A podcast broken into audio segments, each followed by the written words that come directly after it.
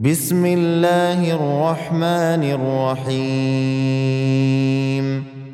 والتين والزيتون وطور سينين. وهذا البلد الأمين. لقد خلقنا الإنسان في أحسن تقويم.